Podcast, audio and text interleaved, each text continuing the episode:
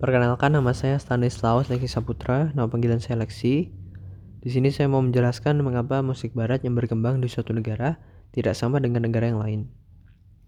Ada banyak alasan yang bisa diajukan sebagai penyebabnya, namun yang utama adalah karena musik modern memang sejauh berasal dari barat.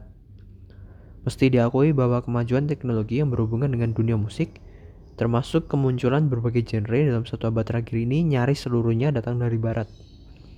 Terlepas dari itu, jika dibandingkan dengan lagu-lagu buatan negara lain sendiri, jawaban yang bisa saya berikan adalah karena industrinya tidak setara.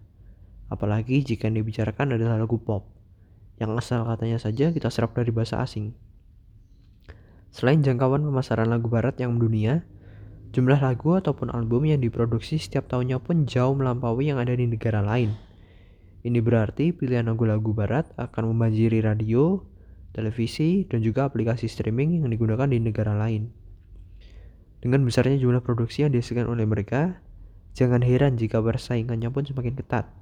Sehingga yang naik ke puncak tangga lagu pun pada umumnya memang lagu-lagu yang sudah terbukti menarik dan jenisnya begitu beraneka harga mencakup selera banyak orang.